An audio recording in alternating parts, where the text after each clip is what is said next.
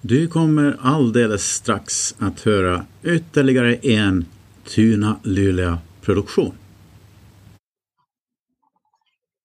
Då hände det saker igen. Och eh, det påstås eh, när jag tittar på skärmen här att vi är live på Youtube. Jag kan ju lyfta faktiskt mig själv mitt i här i och med att jag har ordet i början. Ehm, Ja, det här är återigen eh, devis on air kan man säga. Och då tänker jag mest på min blogg som, eh, som heter dvis.se. Och den här Youtube-grejen har ju varit som lite kopplad, kopplad till det alltid. Men eh, inte bara det, det är också så här Tuna Luleå on air kan man väl säga. För att eh, vi på Tunaskolan här har ju en podcast numera. Där det finns rätt mycket bra grejer. Eh, och eh, vackra tanken är ju att också den här live-träffen på Youtube ska bli en sån här podcast-episod där. Och superroligt faktiskt idag för att eh, nu, nu har jag ju eh, en häftig, häftig samling gäster här. Gäster här. Eh, först och främst eh, vill jag säga välkommen till Per Nilsson. Inte helt okänd författare kan man väl säga, Per, i Sverige. Tack så mycket, mycket spännande. Jag sitter i Sölvesborg och hälsar till er i Luleå. Kanon. Har du någon snö? Nej, inget sånt. Nej, nej. nej, nej, nej. Det var flera år sedan vi hade snö här. Vad är det för någonting? Du ser det på film eller något sånt? Ja, knappt, knappt, knappt, knappt på skidtävlingar längre nu tycker jag. Okej, okay, ja. inte att vi har metervis heller men egentligen det har varit halvskruttigt nu i början på vintern. Hoppas det blir bättre än sist men ja, täcker väl lite grann så det är i alla fall ljust och snyggt. Lite sådär ljus stämning faktiskt. Eh, hej på dig Jonathan! Ska vi lyfta dig också en liten stund här mitt, mitt i händelsernas centrum. Jag sa just här innan vi körde igång att det ser rätt schysst ut i ditt rum. ja, det gör det. Du har fixat uh, flygel och grejer och allt möjligt. Gisses vad man kan göra nu med ja. min, min bakgrund här. Uh, jag känner mig som hemma trots att jag är på jobbet för att det är faktiskt vardagsrummet. Det känns bäst för mig. Liksom. Ja. Eh, Hjalmar är törstig. Det gäller att ha dryck med sig. Hej Hjalmar! Hej hej! Ni hör mig nu? Ja, vi hör så bra så.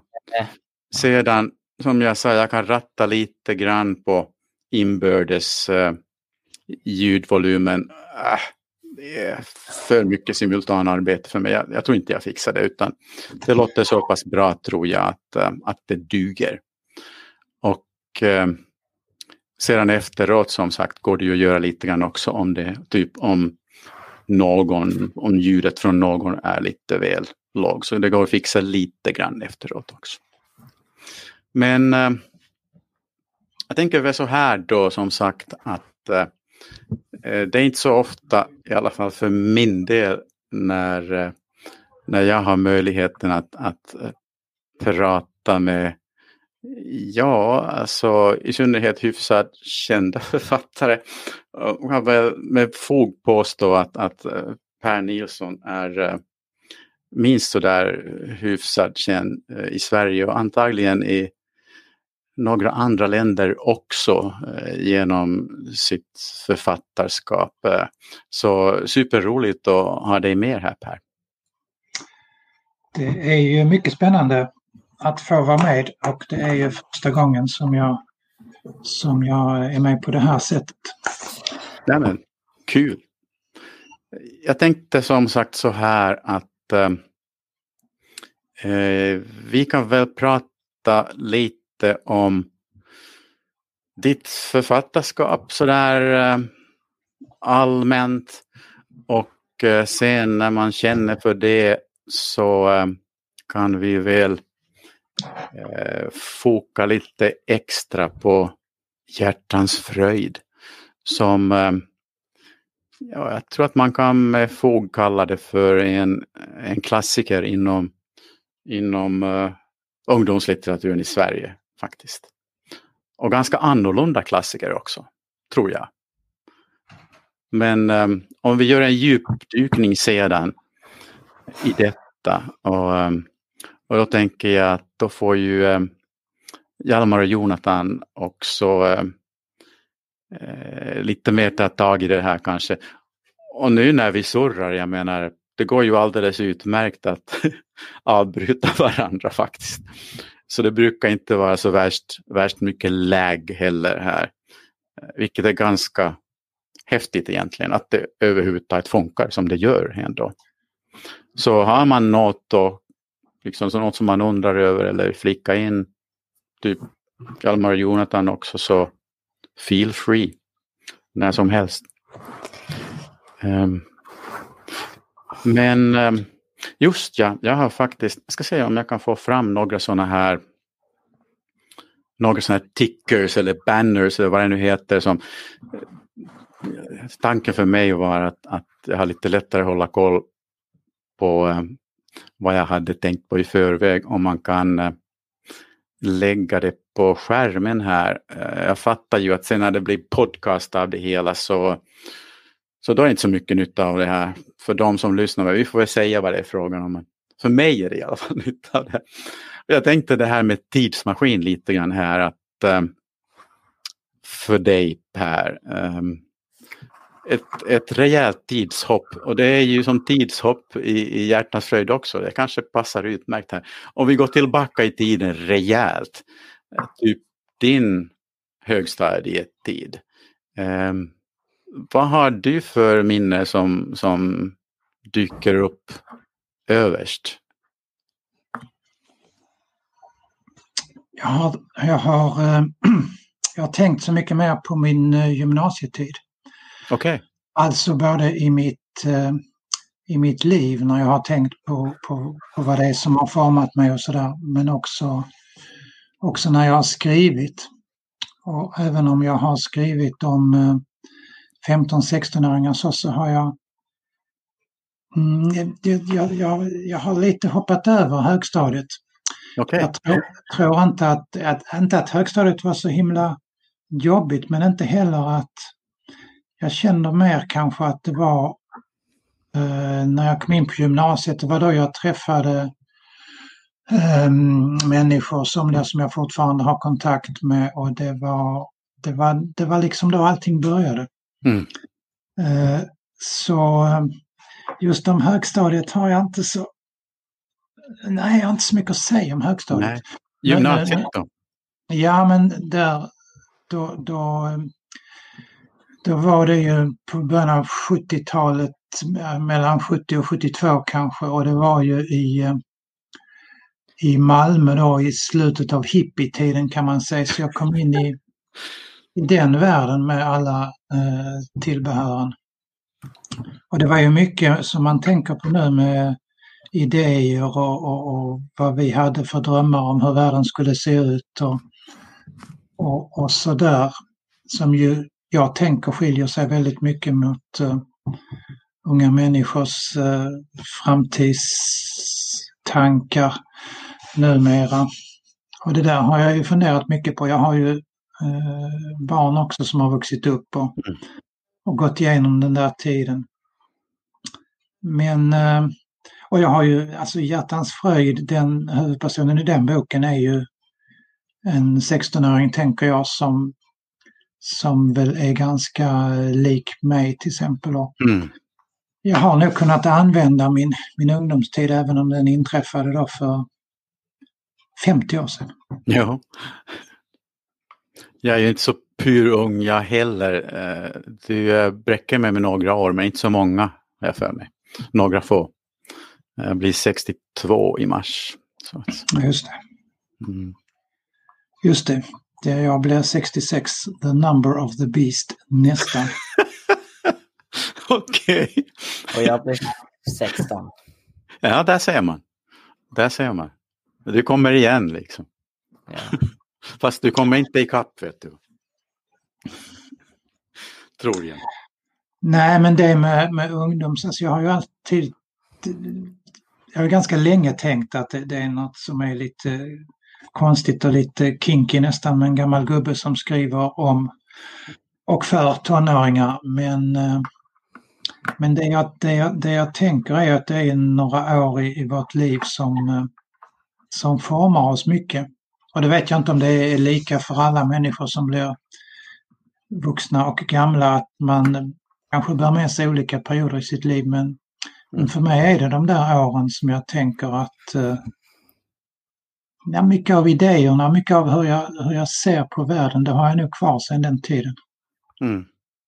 Och det kanske, jag vet inte om det är bra eller dåligt, men det är bara ett faktum som jag kan konstatera. Ja. Läste du mycket redan när du var ung och sådär? Och... Det gjorde jag. Mm. Det gjorde jag redan som barn. Jag lånade mycket böcker på bibblan och, Mm. och mor och far uppmuntrade väl det. Eh, Mm.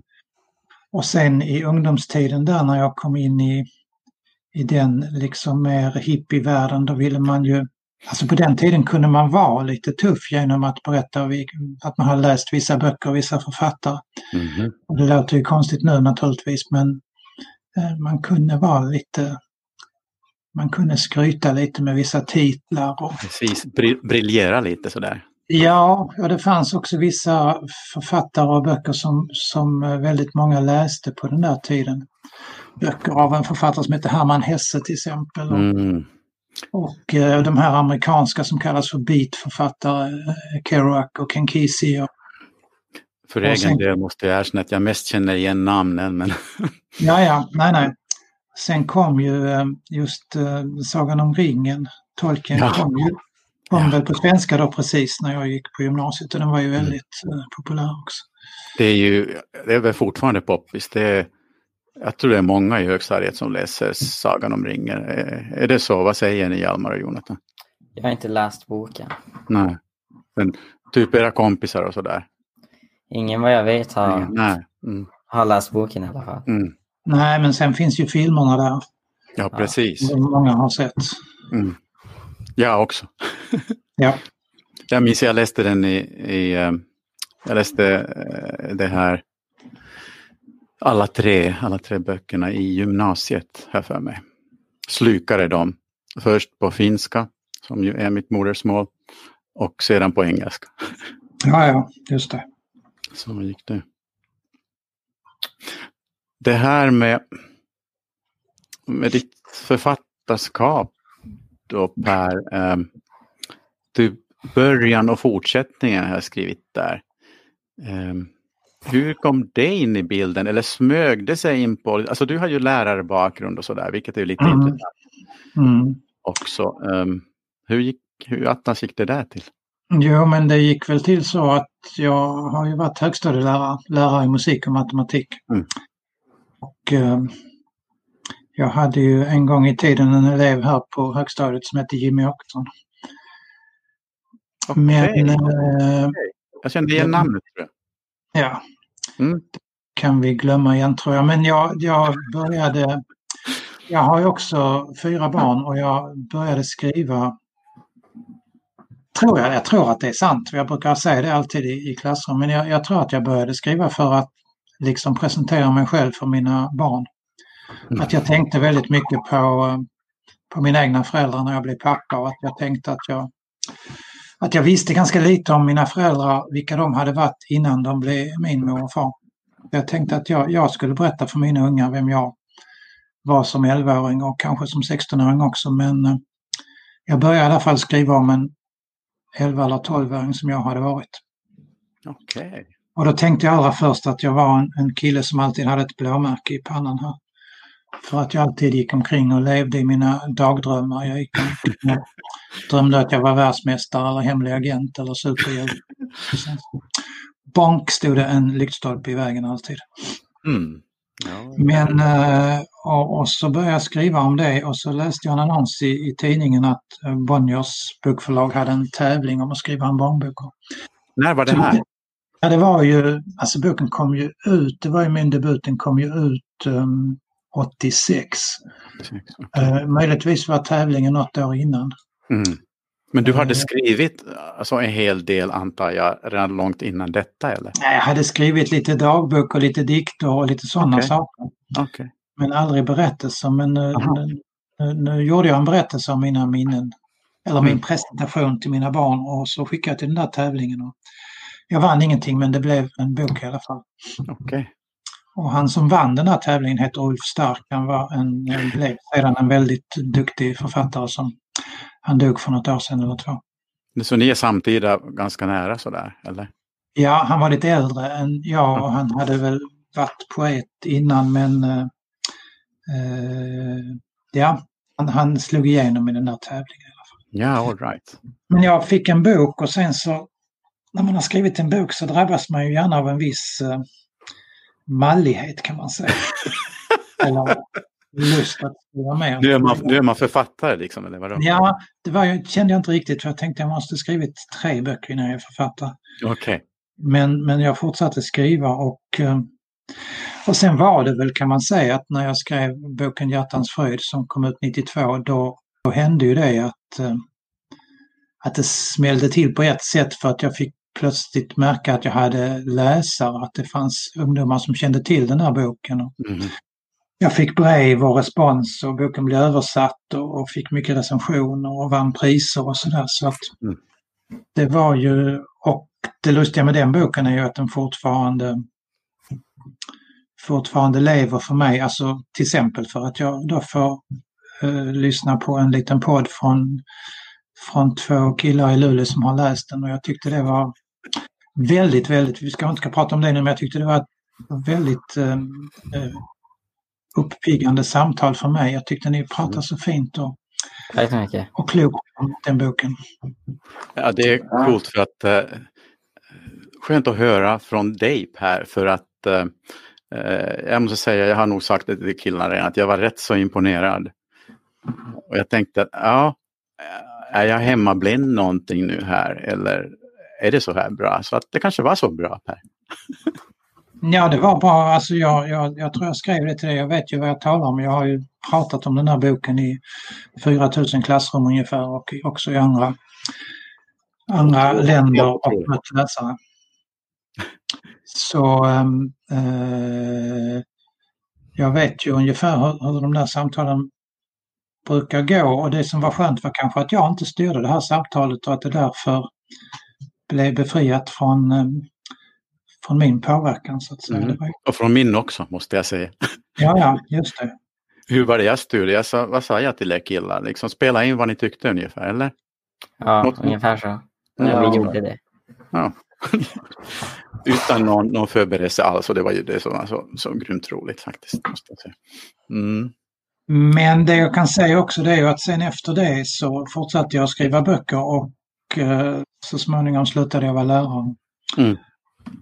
Och jag har ju haft en del framgång får man säga. Alltså mina böcker har kommit ut, de har blivit lästa, de har blivit översatta.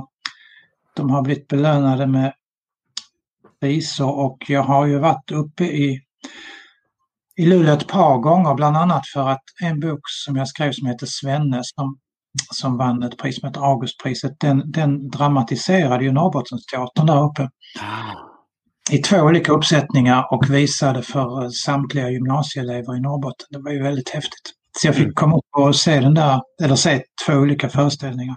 Mm. Eh, och eh, jag har inte så mycket mer att säga om mitt skrivande. Jag, mina ungar har ju vuxit upp och flyttat hemifrån och jag har blivit morfar och farfar och jag har Mm. bestämt mig också att jag ska skriva varsin bilderbok till mina barnbarn. Och, eh, Härligt! Ja, det, är- det är väldigt roligt. Ja.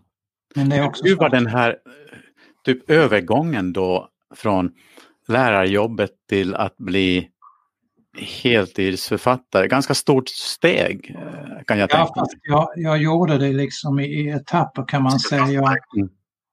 jag började skriva och jag skrev på eh, lov och när jag var hemma och sen började jag ta lite ledigt och var hemma med små barn och jag började göra författarbesök i skolor och allt det där gjorde jag medan jag fortfarande jag blev väl sämre och sämre lärare kanske, det tror jag. Okej, Men, måste det bli så? nej, men jag, jag, jag ville ju skriva, jag vill ju fortfarande skriva. Det är ju fantastiskt. Jo, och det förstår jag. kunna göra det.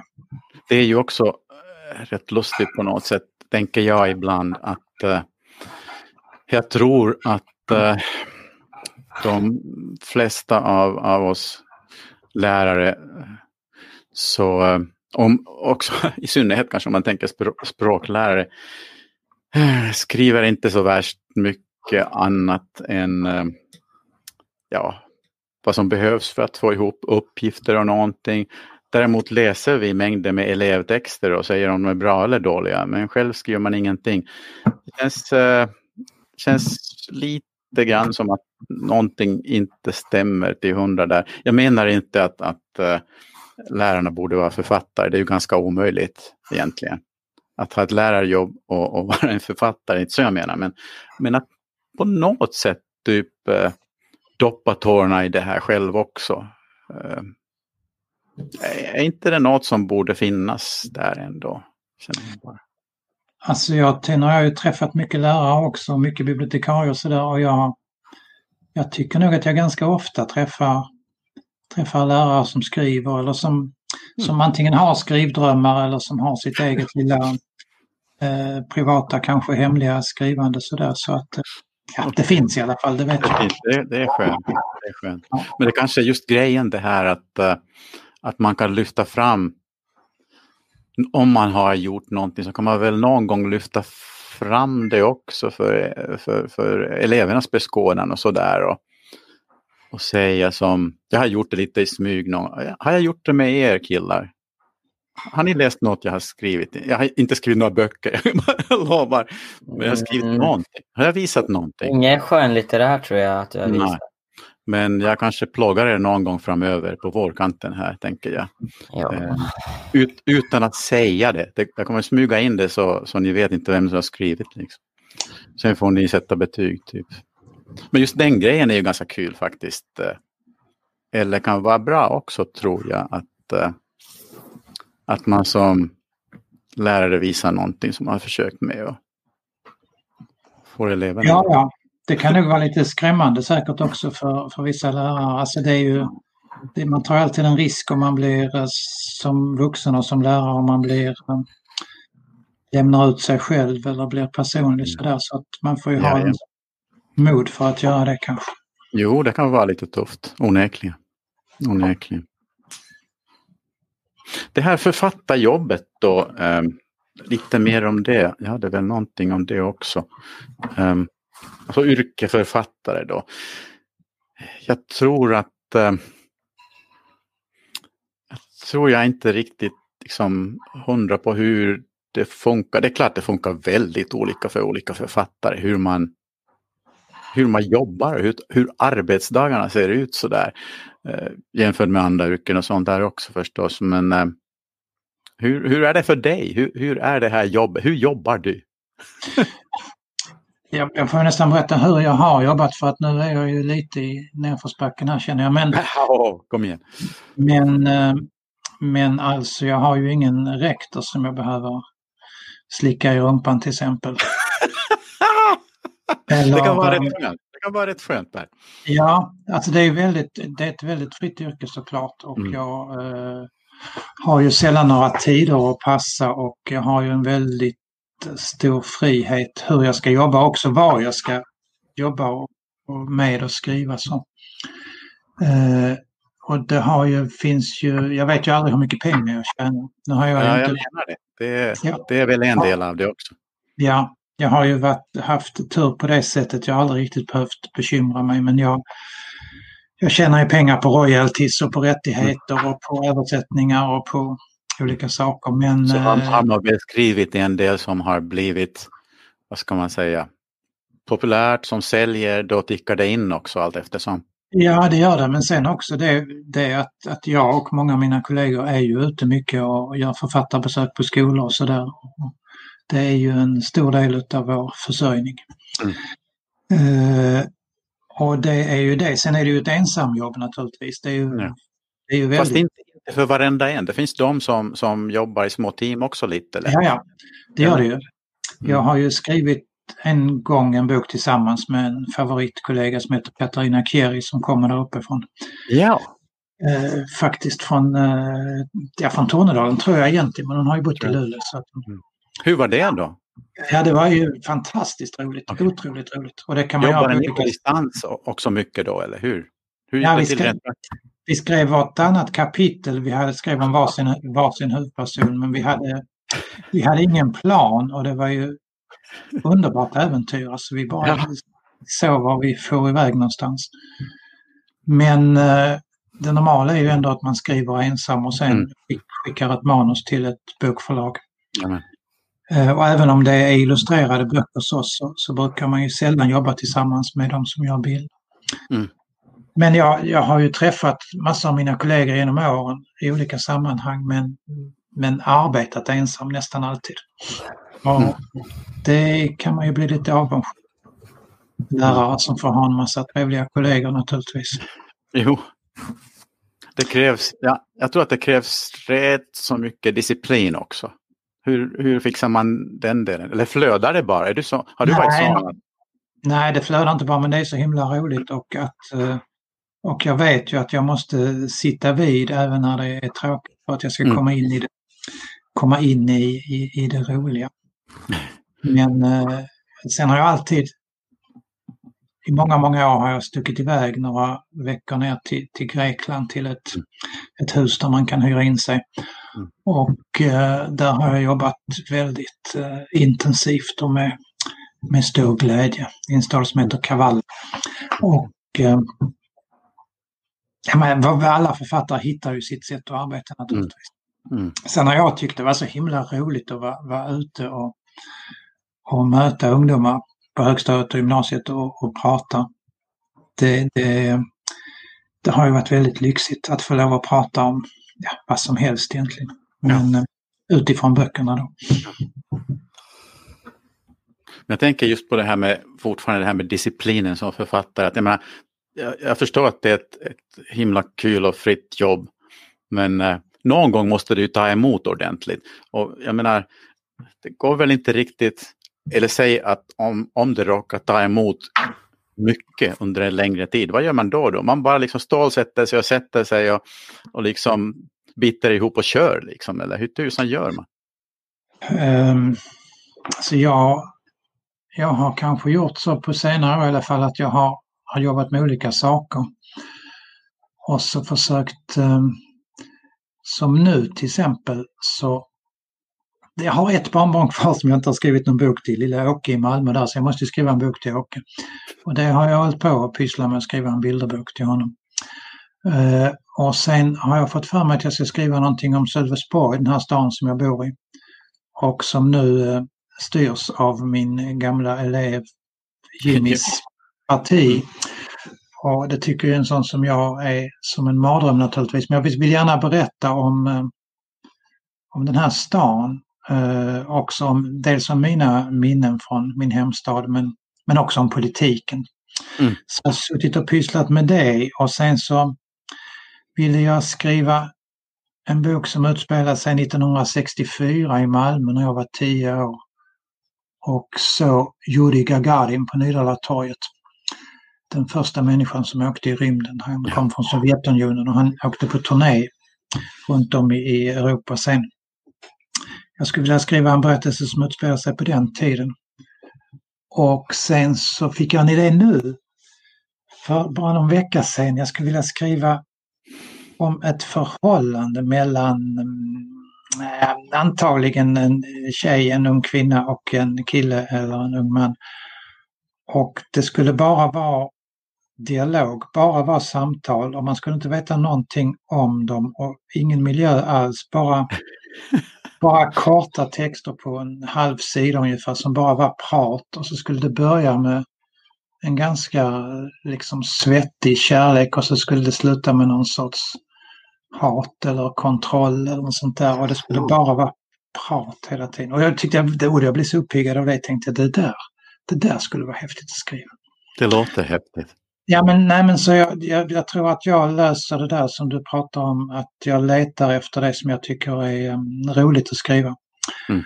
Och så och om, om det då går på grund så får jag lägga det åt sidan ett tag kanske. Ja, det verkar som att uh, du har som inte skrivit färdigt än på långa vägar.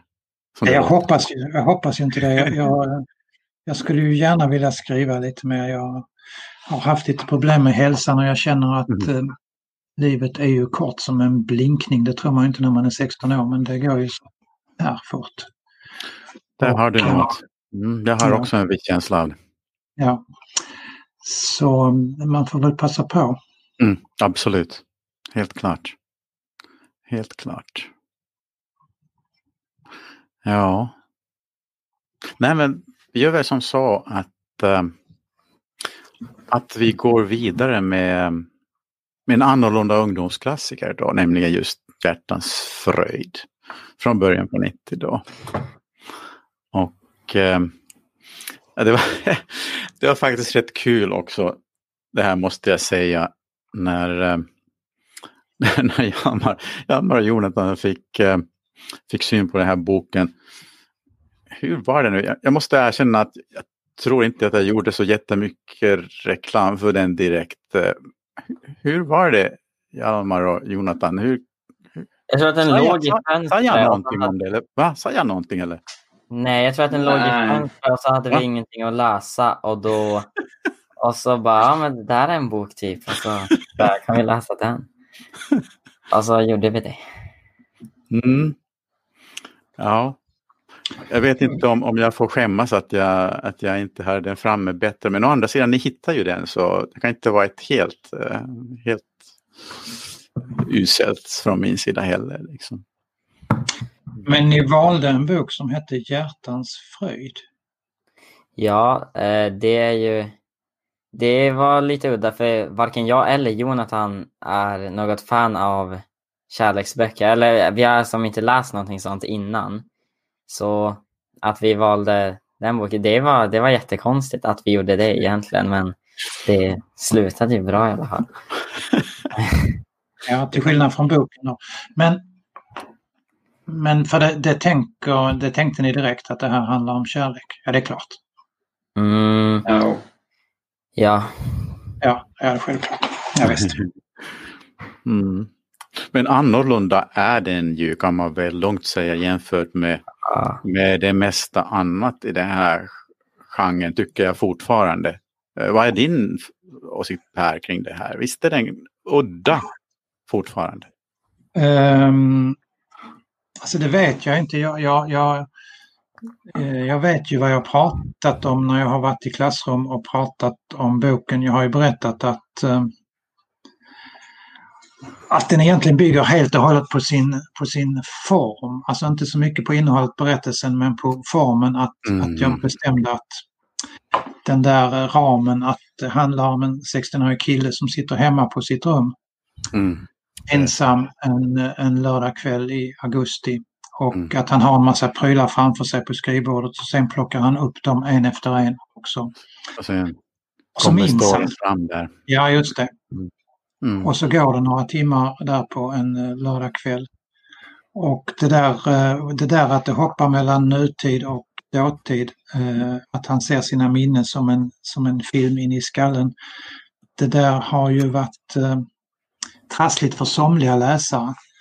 Och, och det, jag tänker att unga människor är ju otroligt bra på att se film. Alltså, man kan ju se, ni kan ju se filmer och, och liksom förstå att det hoppar i tid och plats och, och allting eh, sådär. Men det är klart att det kanske är svårare i en text. Mm.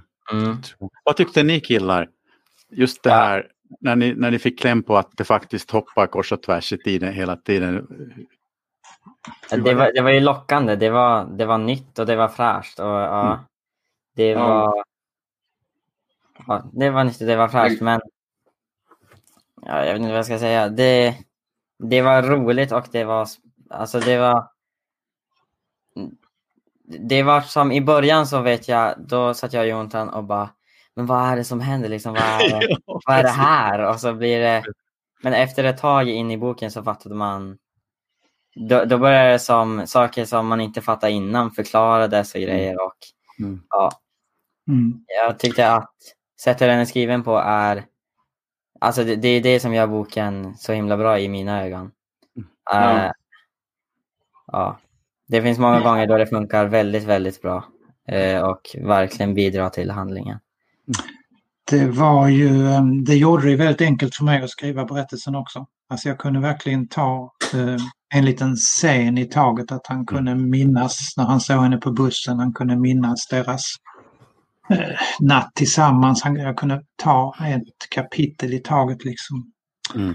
Eh, så den skrev sig ju inte själv den här boken men den skrevs väldigt snabbt. Mm. Och sen är det ju en sak till det där med att, eh, att börja i slutet, att ha en ramhistoria. Och det, det försöker jag ibland förklara i klasser och det fattar väl nästan aldrig någon men, men att eh, det ger ju författaren en väldig frihet. För det, det liknar ju det sättet som vi själv berättar någonting som vi har varit med om. Mm. Och det betyder ju att, att den som berättar kan ju eh, välja själv eh, eh, hur han vill minnas det som har hänt, vad han vill glömma, vad han vill ändra på i berättelsen.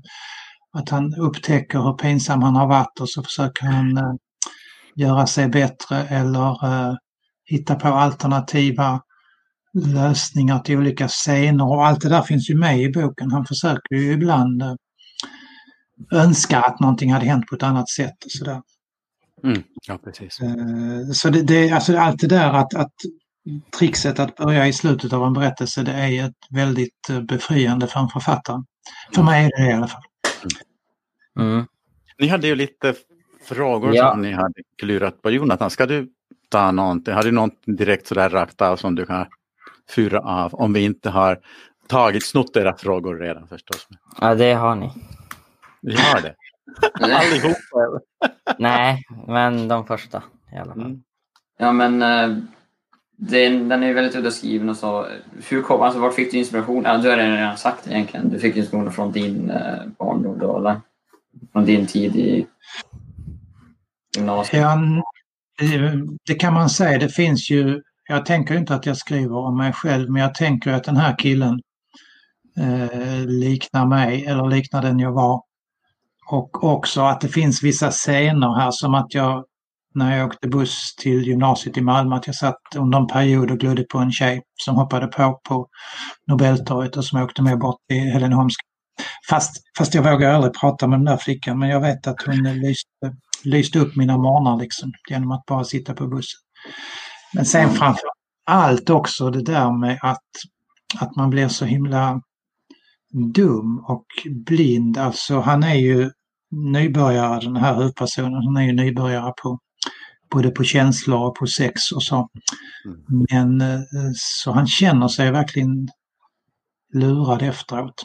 Men, Mm. men det där kunde jag ju, kunde jag ju minnas hur, hur dum man kan känna sig. Alltså hur, hur dum man kan bli. Och hur man kan klamra sig fast vid något förhållande som egentligen man borde fattat för länge sedan att det, att det är kört och sådär. Det, Mm. det är ju en, en pinsam eh, känsla och vi tänker att vi, ingen annan har betett sig lika korkat men nästan alla har gjort det. Antagligen. Ja. Då kan jag ta nästa här om du var klar. Eh, den är ju skriven på ett väldigt udda sätt och en annan sak som du har valt att göra är att inte namnge huvudkaraktären. Och eh, varför valde du att göra det? Eller inte göra det? Nej, nej, men det har jag ett bra svar på och det är på eh, näst sista sidan så står det så här. Alltså huvudpersonen kallas bara för han i hela boken. Mm. Och på näst sista sidan står det så här. Han och han och han. Vem försöker jag lura, tänker han med tårar i ögonen. Jag menar, tänker jag med tårar i ögonen. Det handlar ju om mig. Han är jag, jag är han. Första person singularis, jag. Alltså mitt svar är ju att denna boken egentligen borde varit skriven i jag-form. Det är hans berättelse. Men när han tänker på det som har hänt så, så tänker han inte så här, oh jag såg henne på bussen, jag tyckte att hennes röda hår lyste upp hela mitt liv. Så. Utan han ser sig själv som utifrån så och så tänker han, oh han såg henne på bussen, han tyckte att hennes röda hår lyste upp hela hans liv. Jag vet inte om ni förstår men, men det är ju kanske också ett sätt för honom att distansera sig från det som har hänt. Men, men mitt Mm. svar är ju det. Alltså det, det borde stått jag på alla de där ställena. För det är han som berättar. Men han Namn- gjorde det- namnet- Ja, förlåt. Kör. Eh, han gjorde det som ett sätt för att att han, det ska inte vara lika jobbigt att det har hänt för att det, han försöker som komma undan med det genom att säga han istället för jag. Då känns det inte lika personligt. Ja, jag, jag, jag, tror det och jag tror att vi kan göra det själva också. Alltså när vi tänker i vårt huvud på saker som har hänt som kanske har varit eh, de behöver inte varit pinsamma men kanske starka eh, möten med andra människor sånt så kan vi liksom försöka se oss själva utifrån för att, ja, för att få distans, precis som du säger. Jag, jag tror det är det det handlar om. Då kunde han ju kallat sig själv för Andreas eller David eller någonting sånt men, men det gör han ju inte. Han kallar sig själv för han. Mm. Mm. Mm. Jag ska till nästa fråga då. Ehm, I alla fall i mina ögon så är karaktären ganska typ manisk. Han är nästan inte galen. Alltså i, han blir uppslukad av eh, den här kärleken till den här, den här flickan. Alltså, hur, alltså, vad är meningen? Ja, det handlar ju om mig.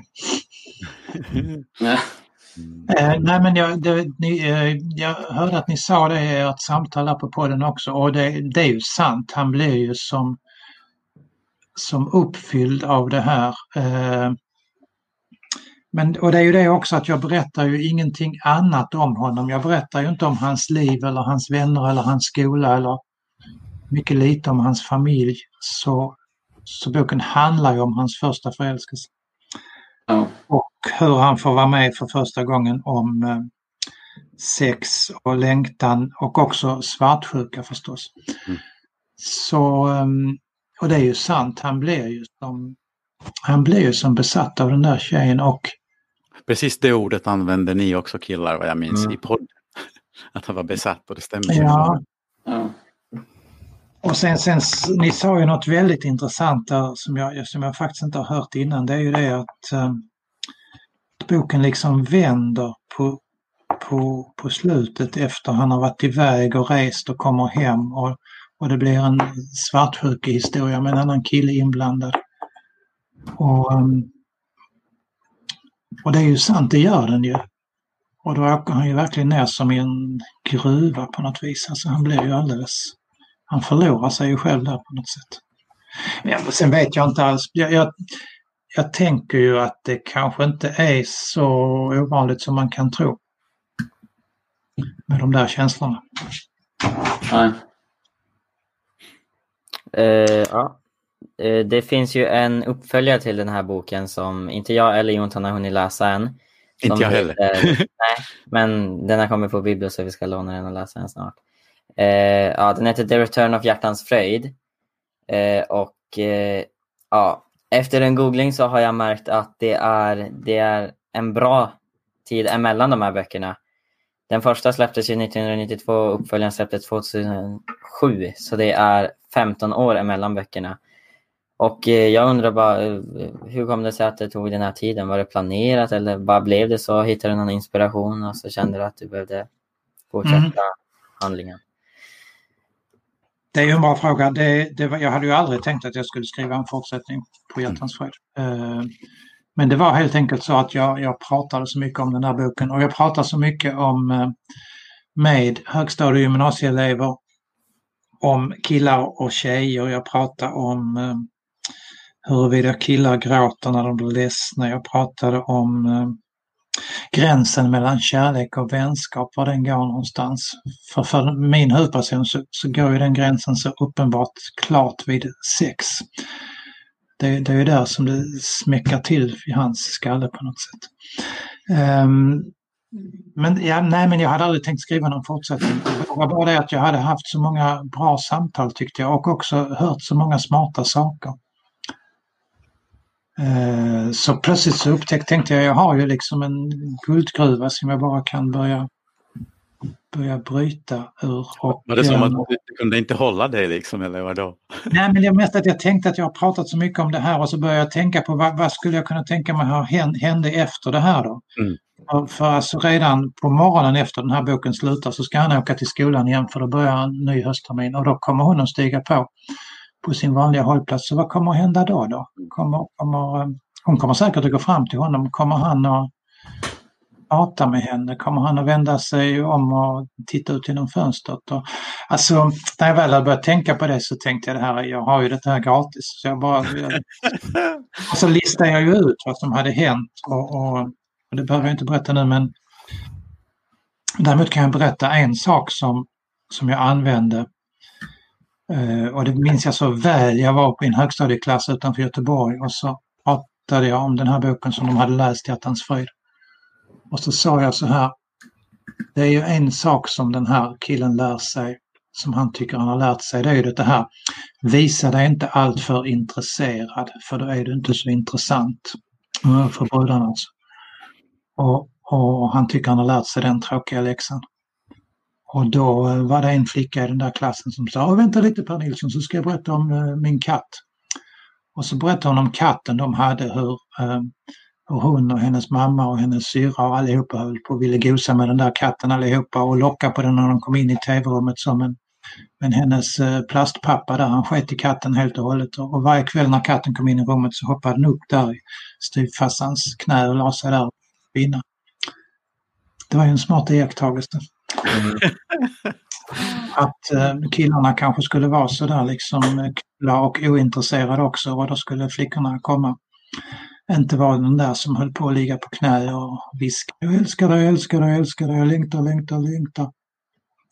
Så um, det kunde jag använda direkt av den där tjejens berättelse om sin katt. Så vi hade ju flera stycken sådana här saker som jag tänkte att det här har jag pratat om så mycket nu i 15 år. Så därför blev det en bok.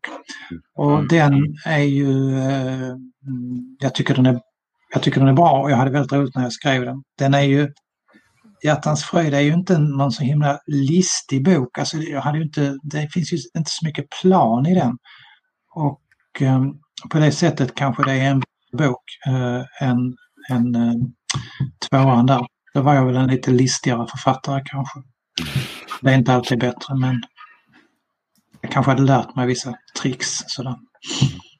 Ja, eh, men det är väldigt roligt. Jag tycker också det är väldigt kul att det finns en The Return of Hjärtans frid. Den måste jag bara läsa. Måste om jag får fråga en till fråga om den här boken. Eh, det jag och Jonsson uppskattade med den första, det var ju tidshoppen eller ja, sätt den är skriven på. Och eh, ja, eh, har du valt att ha kvar de här eller har du tagit bort dem i nästa bok? Nej, det finns kvar. Det är en, en lite, lite klurigare kan man säga, men det finns på samma sätt en ramhistoria. Så han, han tänker på något som har hänt och han berättar och han berättar för någon och själva poängen med hela boken är faktiskt vem han berättar för. Mm. Och nu har jag redan snart sagt för mycket men, men det, är, ja, det var en sånt där exempel på hur klurig jag tyckte jag hade blivit som författare kanske. Ja. Ja. Um, om vi går tillbaka till Hjärtans fröjd. Um, budskapet i boken, enligt mig och Hjalmar, var inte så, jätte, alltså så självklar. Men från vad vi uppfattade så är budskapet att, ungefär att det är bra var det inte för alltid.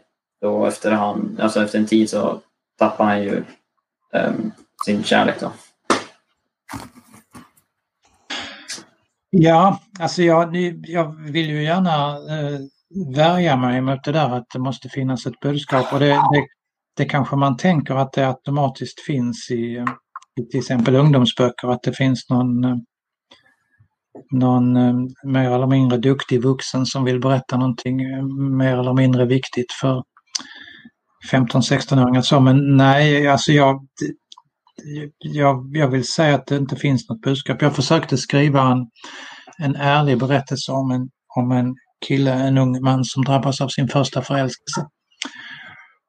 Och då kan man ju säga att man kan hitta på något budskap och säga att uh, du blir dum i huvudet av att bli kär. Eller, eller att han ska försöka vara ärlig. Eller, alltså, men, men det där är bara konstruktioner så att jag, eh, jag tycker inte att jag behöver eh, liksom försöka pressa in det. det. Jag försökte skriva en, en ärlig berättelse om den första förälskelsen, det var det. Mm. Det finns ja. inget. Det är ändå väldigt kul. Ja, det är ändå väldigt kul som läsare också att försöka liksom sätta finger på vad det skulle kunna finnas för budskap i boken. Och, mm. eh, det är som kul att försöka klura ut vad det finns för budskap.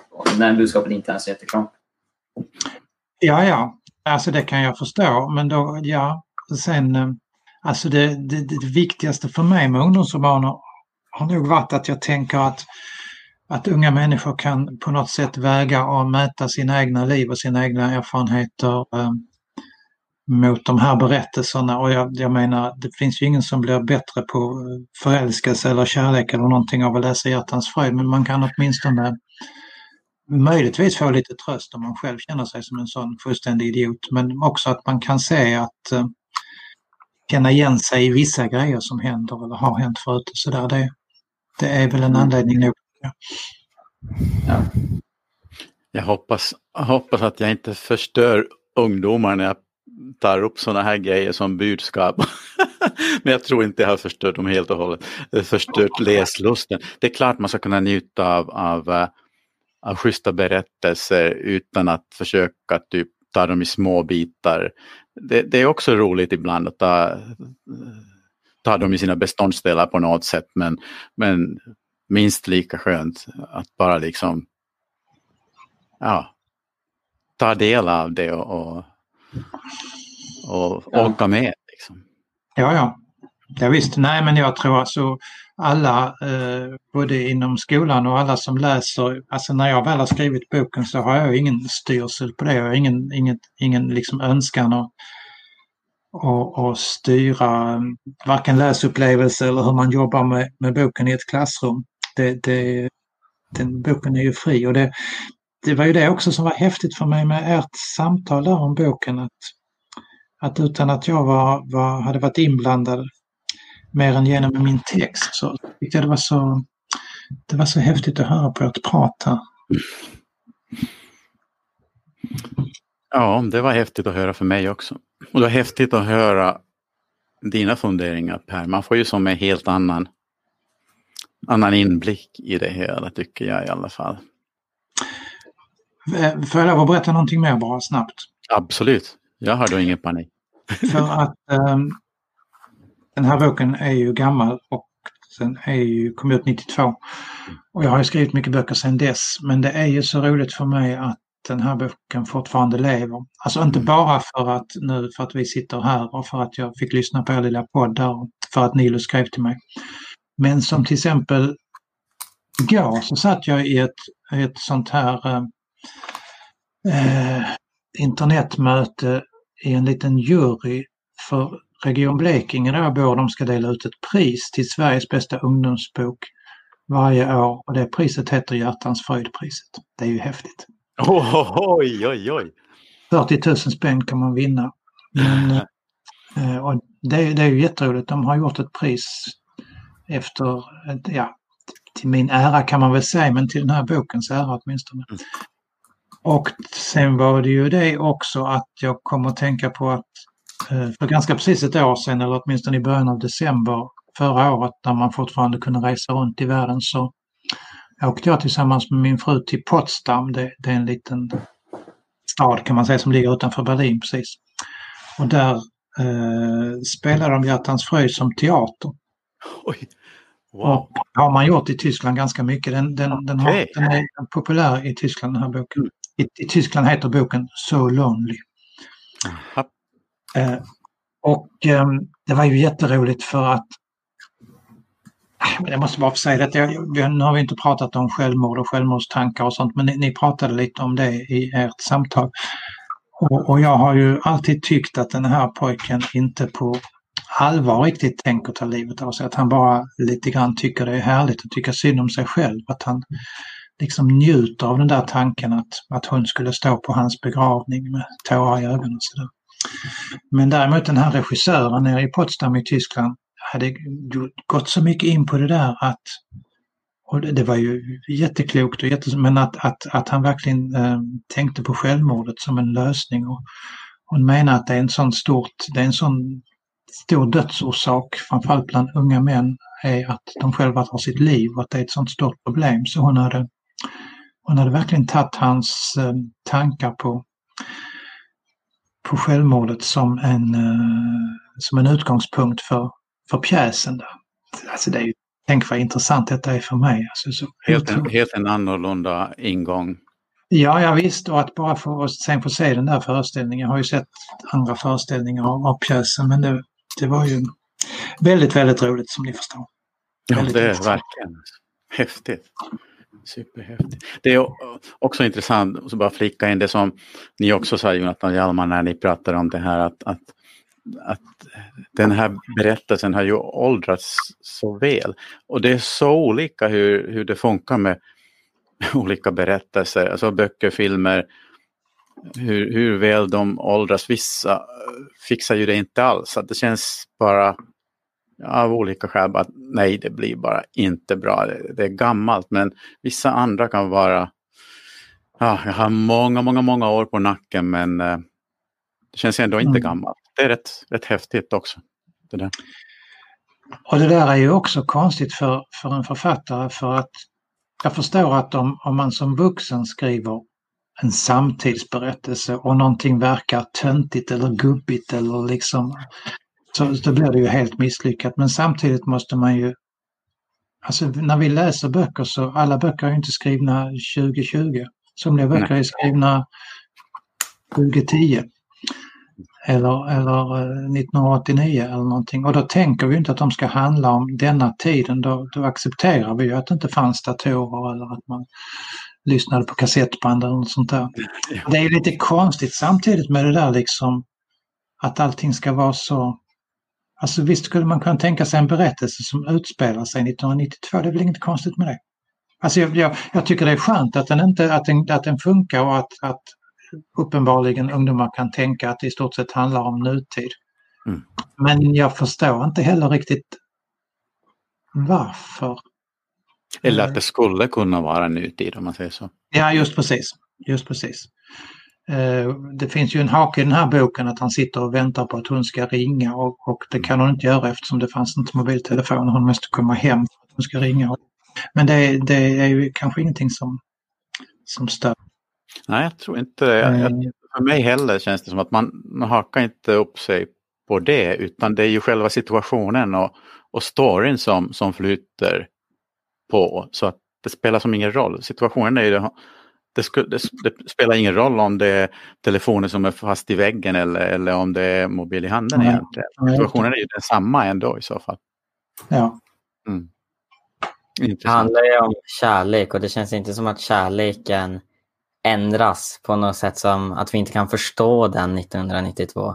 Eller ja, Nej, just Så- det. Just det. Nej, sen finns det ju sådana här grejer som att han har problem med att köpa kondomer. Men men alltså det var ju redan, redan när jag skrev boken då så tänkte jag ju kanske mer på, på min ungdomstid. Så redan 1992 så tyckte naturligtvis somliga att det är fullständigt löjligt. Det är väl bara till, köper man kondomer så, så bara går man in och gör det och nu kan man väl beställa hem dem utan att... Ja, det kunde man väl förr i tiden också i och för sig. Ehm, men det finns ju inte så många sådana tidsmarkörer som det heter kanske. Mm. Det, det stämmer ju. Ja, Super, supercoolt måste jag säga. Och supercoolt att, att du hakade på det här Per och var så frikostig med din tid. Um, nu har vi redan snott en timme av dig, bara så här tjoff liksom gick det. har det, har det gått en hel timme? Ja, Ja, jag tror nästan. ja det har det ju. Helt sanslöst. Nu måste jag gå Jag och laga, laga middag. ja. Och jag känner mig att om jag har riktigt tur så kanske det finns lite på G hemma så eh, Mm. måste jag gottgöra min fru vid ett tillfälle. Hon har, jag har kommit hem sent så många gånger så att jag måste byta, byta lite grann och jag får stå vid spisen och, och göra annat tror jag. Men, men jag måste säga tack till, eh, till Hjalmar och Jonathan. Framför allt för att jag eh, dels fick höra på ert lilla radiogrej där och, men också för att ni var med på det här mötet. Suveränt. Var Mamma här. Ja. Ja, tack själv. Jag har ju som tack. aldrig, aldrig haft förmånen att ha, ha en sån här samling. Nej. på livesändningar. Och tack till dig Nilo som satte igång allt det här så att det var ju, det var ju uppiggande för mig i den här mörka tiden. Ja. ja, man behöver lite ljuspunkter i synnerhet, i synnerhet nu tror jag. Så att nog, eh, nog måste det också vända det här eländet där så snart. Ja, ja. Så är det ju. Det måste det. Härligt, härligt. Och ja, men, gisses, det är ju ganska snart faktiskt jul och ledighet och sådär. Så att eh, ja, jag vinkar hej då och önskar er alla jättegod jul och det i synnerhet Per. Liksom. Jag hoppas du kommer att ha riktigt, riktigt skön jul. Och sen eh, kanske vi hör av oss när vi har läst The Return. här. Ja, ja, ja. Oh, oh, det, det får bli min uh, julklappsönskning, ja. Ja, vem att vet, kanske du också har en stund till när vi har läst den. Om vi skulle kunna ta ett uh, uppföljningssnack. Det skulle faktiskt uh, sitta bra. Kanske lite kortare men ändå. Ja, men någon sorts uh, meddelande från er, det skulle vara väldigt trevligt. Mm. Okej, okay, tack detsamma. Tack för idag. Vi hörs. Ha det gott. Ha det bra alla. Hej då. Hej, hej. Du har lyssnat på en Tuna Luleå produktion.